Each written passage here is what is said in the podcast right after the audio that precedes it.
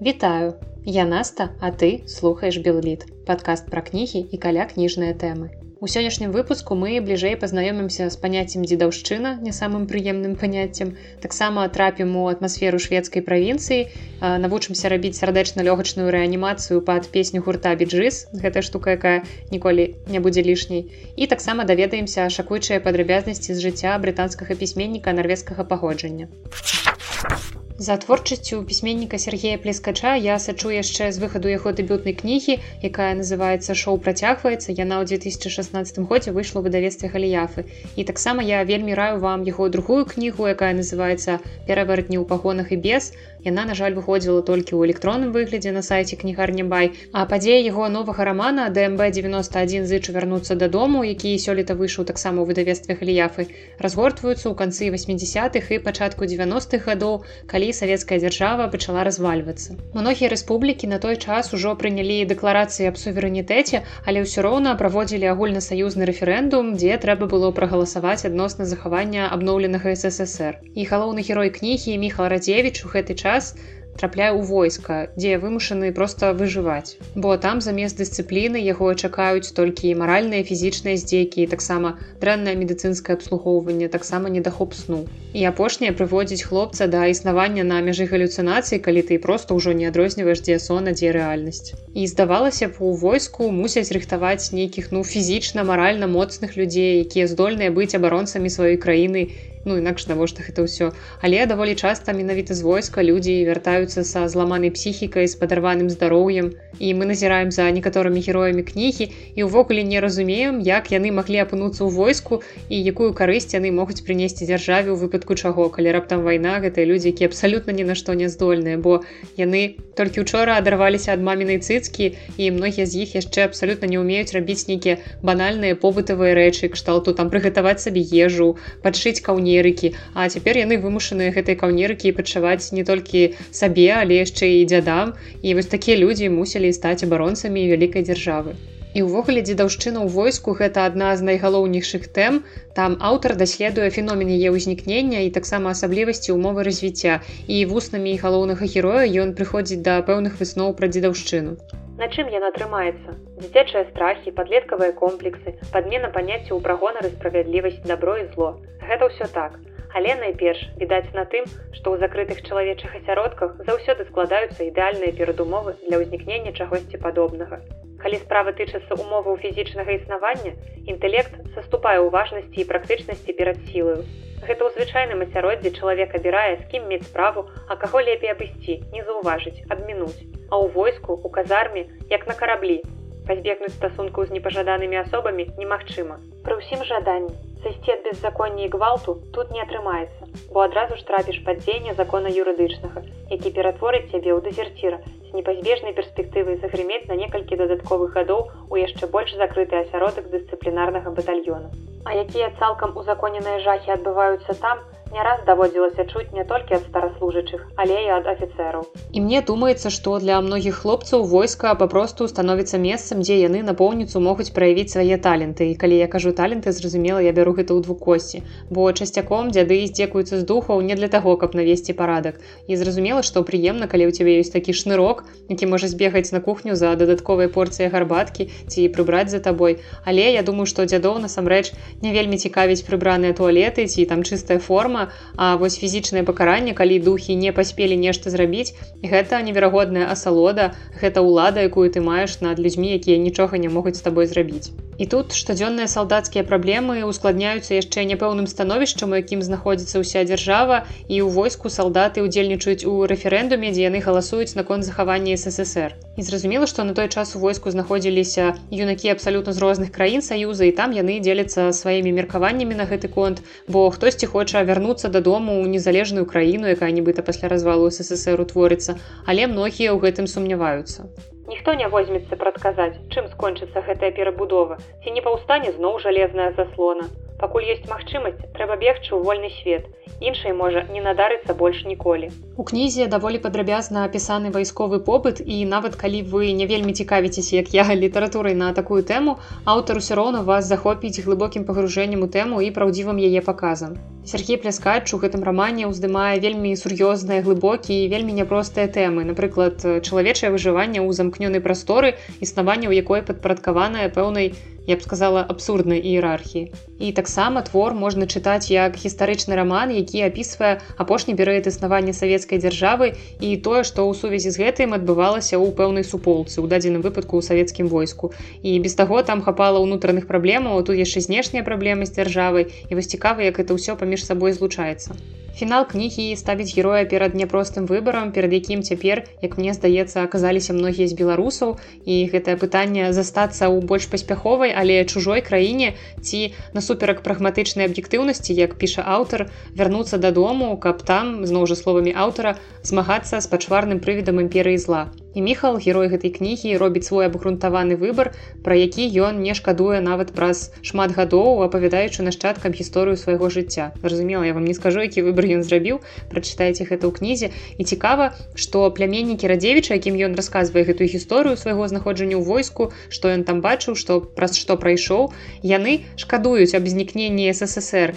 І вельмі часта людзі якія Э, у пэўным перыядзе не былі яны маюць па ім чамусьці моцную ностальгію напрыклад я нарадзілася ўжо ў беларусі ў 93 годзе. Я не бачыла савецкі саюз я не маю ніякіх цёплых пачуццяў да гэтага бо у мяне ёсць шмат аб'ектыўных рэчаў перада мной якія не дазваляюць мне добра ставіцца да гэтай краіны. Я не ведаю пра супер смачнае марозіва там за колькі копеек не ведаю.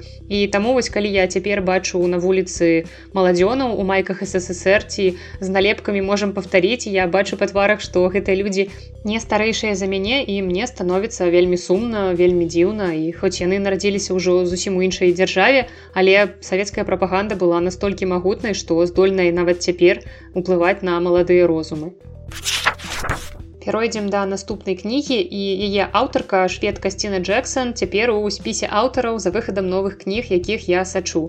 Яе дэбютны роман срэбная дарога я чытала ў мінулым годзе і беларускі пераклад кнігі выходзіў выдавестве янушкевич я засталася неверагодна задавольная адкрыццём такім новым аўтарам бо гэта была і дэбютная кніжка і гэта той дэтэктыў у якім дэтэктыўны складнік абсалютна ну неважна не галоўная і больш важны там такая падаецца атмасфера шведскай глыбінкі такі скандынаўскі ну мемуар другая яе кніга на беларускую не перакладзеная Ну я думаю что наўрад ці она перакладзецца таму чытала я яе по-руску. І ў другой кнізе такая называется последний снег тэма змрочнай шведскай правінцыі са сваімі сакрэтамі працягваецца аўтаркай яе галоўная гераіня ліў жыве ў вёсачцы одысмарк і дарэчы менавіта так кніжка называется ў арыгінале ў гонар гэтай вёскі яна жыве разам 17гадовым сынам сімонам і 80гадовым бацькам відарам і калі ты чытаеш гэты твор то табе становіцца абсалютна незразумела што трымае ў гэтай глушы ліў і просто бацька ў яе такі чалавек не самы прыемны яго мясцовыя ўсе не вельмі любяць пабойваюцца нават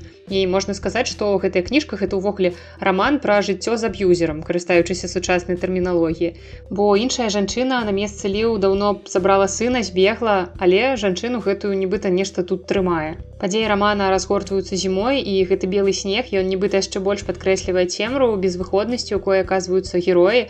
Яны просто лунаюць у паветры і таксама там апісваюцца цёмныя лясы дзе адбываюцца страшныя рэчы. Акрамя гэтых пералічаных герояў там ёсць іншыя персонажы якія таксама граюць важную ролю для сюжэту але ўсё роўна у асноўным уся інтрыга круціцца вакол сям'і ліў і мы пастаянна задаемся пытаннямі чаму яна не з'ехала вось гэта пытанне кое мяне трывожыла непакоіла нават больш за пытанне хто ж все ж такі бацька і сына сімона бо про гэта таксама нічога не гаворыцца і вось гэтымі пытаннямі Джексон акурат трошки перабрала з інтрыгай. Яна на працягу ўсяго рамана неяк падагравала нашу цікавасць да таямніцы, якая вось вакол сям'і гэтай галоўнай гераіні, якая яе ахутвае. Яна рабіла ўстаўкі там пастаянна перад кожнай главой ёсць устаўка ў выглядзе флэшбэка ў мінулай гераіні.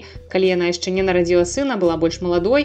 Яна вяла не самы скажем так пурытанскі лад жыцця і ў канцы аўтарка нас пакідае з лёгкім такім пэўным расчараваннем. Бо здаецца, у нас ёсць і фінал з такой даволі цікавай развязкай. Але калі ты пераварочваеш апошнюю старонку кнігі то ў галаве ўсё роўна з'яўляецца больш пытанняў чым адказаў. Ёсць такое пачуццё лёгкай недагаворанасці. Але разам з тым героі і сеттынг прапісаныя выдатна і Джексон вельмі класна апісвае сваіх персонажаў яна для стварэння іх аб'ёмных вобразаў выкарыстоўвае дробныя дэталі і ты вось бачыш напрыклад гэтага бурклівага старога бацьку ліў і бачыш як унуку цірае яму руки крэмы так ствараецца пэўны вобраз гэтага героя. І калі вы ўсё ж любіце больш дынамічныя дэтэктывы нейкія захапляльныя трылеры то я думаю что вам не сюды бо у Джексон заўсёды даволі павольны стыль пісьма і таксама у першай кнізе. Да таго ж у яе няма нейкага сур'ёзна закручанага злачынства расследавання стандартнага бо вось у срэбнай дарозе напрыклад вы злачынцу увогуле адгадаеце даволі лёгка як мне здаецца. Я ўжо недзе на сярэдзіне кнігі здагадалася хто гэта быў.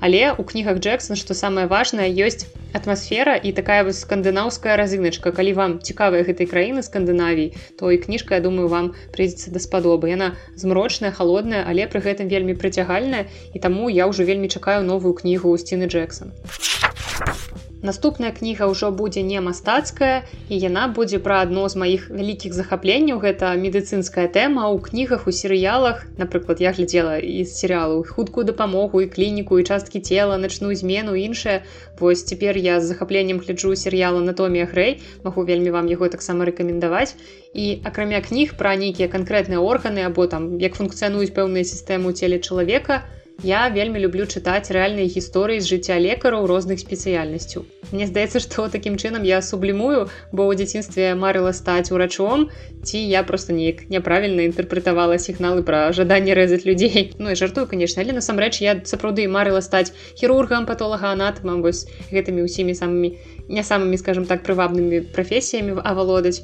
І вось мэт морган урач рэаніматолог 45гадовым вопытам працы зразумеў што яго спецыяльнасць недастаткова асветленая бо дзеці калі марыць стаць урачамі яны вось акурат думаюць пра нейкія больш знаёмыя штукі як хірургія стаматалогія. А вось што такое рэаніматолог чым ён занимаецца якое ў яго ўвогуле поле дзейнасці гэта рэч для апісання больш складаная. Але ж ну насамрэч гэта вельмі важны чалавек які штодня ратуе просто кучу людзей якія знаходзяцца ў крытычным стане і важна разумець што рэаніматолог не лечыць нейкія канкрэтныя хваробы але пры гэтым ён вяртае людзей да жыцця. Напрыклад калі ў бальніцу трапіў чалавек пасля дТЗ або чалавек які патануў і вось мэт морган вырашыў што прафесія ягоная недастаткова асветленая і напісаў кнігу рэанімацыя. Гісторыі на грані жизни і смерти І нават паводле аднаго апісання гэтай спецыяльнасці нават не чытаючы гэтую кнігу можна зразумець што рэаніматолог гэта вельмі складаная і нервовая праца. Бо мозг чалавека які працуе рэаніматолагам павінен вельмі хутка апрацоўваць велізарныя аб'ёмы інфармацыі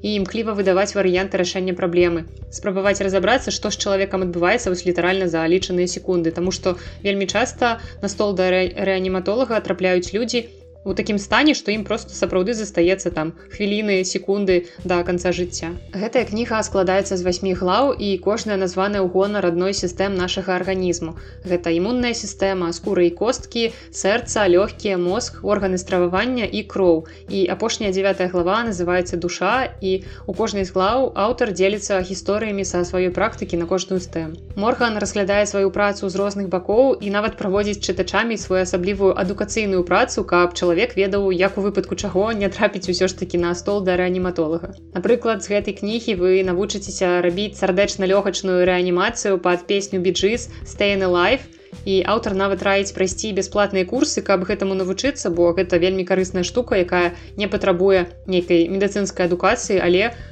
выпадку чаго вы зможаце выратаваць жыццё нейкага блізкага або нават увогуле незнаёмага чалавека на вуліцы дзе-небудзь у транспарце калі з ім раптам здарыцца бяда Так што паслухайце наступныя рэкамендацыі мэтам органа або таксама можете паглядзець на Ютубе Я думаю там дастаткова ёсць відэаурокаў про то як сардэчна-лёгачную рэанімацыю рабіць сердечно-легочную реанимацию всегда проводили незамедлительно после остановки сердца, то каждый день тысячи жизней могли бы быть спасены. Иными словами, если вы сделаете сердечно-легочную реанимацию человеку, который в ней нуждается, то вы в два раза повысите его шансы выжить и вернуться домой после остановки сердца. Именно это мы будем учиться делать. Что самое приятное, это легко. Упритесь ладонью правой руки прямо в середину груди между сосками. Затем положите на нее ладонь левой руки. Приготовьтесь петь. Нажимайте ладонями на грудь в такт с каждым словом знаменитой песни Stay Alive группы Bee Gees.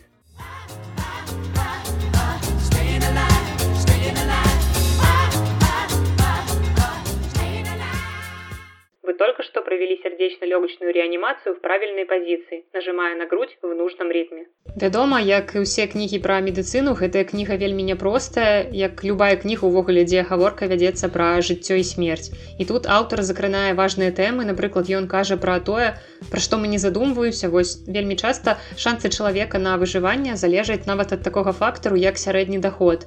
І ўсведамленне гэтага дапамагае зразумець, чаму некаторыя людзі паміраюць вельмі хутка, а іншыя людзі з тым жа дыягназам застаюцца ў жывых. І мне страшна, напрыклад, думаць пра тое, што вельмі шмат людзей у свеце вось цяпер паміраюць праз нейкія дробязі просто таму, што яны не маюць доступу не тое, што да якаснай медыцыны, а ўвогуле хоць да якой медыцыны. І мы ў цывілізаваным свеце прывыклі да нашага, здаецца, нядрэннага ўзроўню медыцыны нават бясплатнай і мы ўспрымаем яе як належная, а хтосьці ну не мае банальнай аптэчкі і ў кнізе шмат парадаў пра тое як мы можам змяніць нашы звычкі хаця б мінімальна падоўжыўшы гэтым сабе жыццё. Бо ў звычайным жыцці людзі вельмі мала думаюць пра сваё здароўе пакуль іх не хвалюе нешта бо вы наўрад ці вось моцна цікавіцеся станам сваіх зубоў пакуль яны не забаляць. І ўвогуле мяне раней толькі нейкі дзікі боль мог прымусіць ісці да любога лекара. Гэта такая філасофія наших бабуль дзядулі якія выраслі ў вёсках. Яна якраз палягае ў тым што да лекара трэба ісці толькі калі ты ўжо сабраўся паміраць але ў наш цывілізаваны свет разам з новымі тэхналогіямі якія здавалася б спрашчаюць паляпшаюць наше жыццё прыходзіць і новыя праблемы. Напрыклад, у наш час больш людзей памірае ад пераядання, чым ад недаядання, хто б мог падумаць увогуле. А ў заходнім грамадстве самае разбуральнае рэчыва гэта этанол, бо куча людзей пакутае ад алкагалізму і вось вуглеводы стаяць на другім месцы ў гэтым спісе. Таксама мы ўвогуле прывыклі чытаць такія кнігі, у якіх увага ўся сфокусаваная на пацыентах, на іх хваробах і але Мэт Морхан закранае праблемы лекараў, паколькі гэтыя людзі здзяйсняюць суіцыд значна часцей, чым прадстаўнікі іншых прафесій, бо яны вымушаныя штодня назіраць за пакутамі людзей перажываць смерці людзей. І для гэтай прафесіі я думаю што трэба мець вельмі моцную псіхіку таму я лекарамі бясконца захапляюся. Бо даволі часта акрамя сваёй спецыяльнасці яны павінны быць яшчэ і добрымі псіхолагамі каб падтрымліваць пацыентаў або падтрымліваць іх сваякоў і паведамляць э, такія даволі несуцяшальныя звесткі.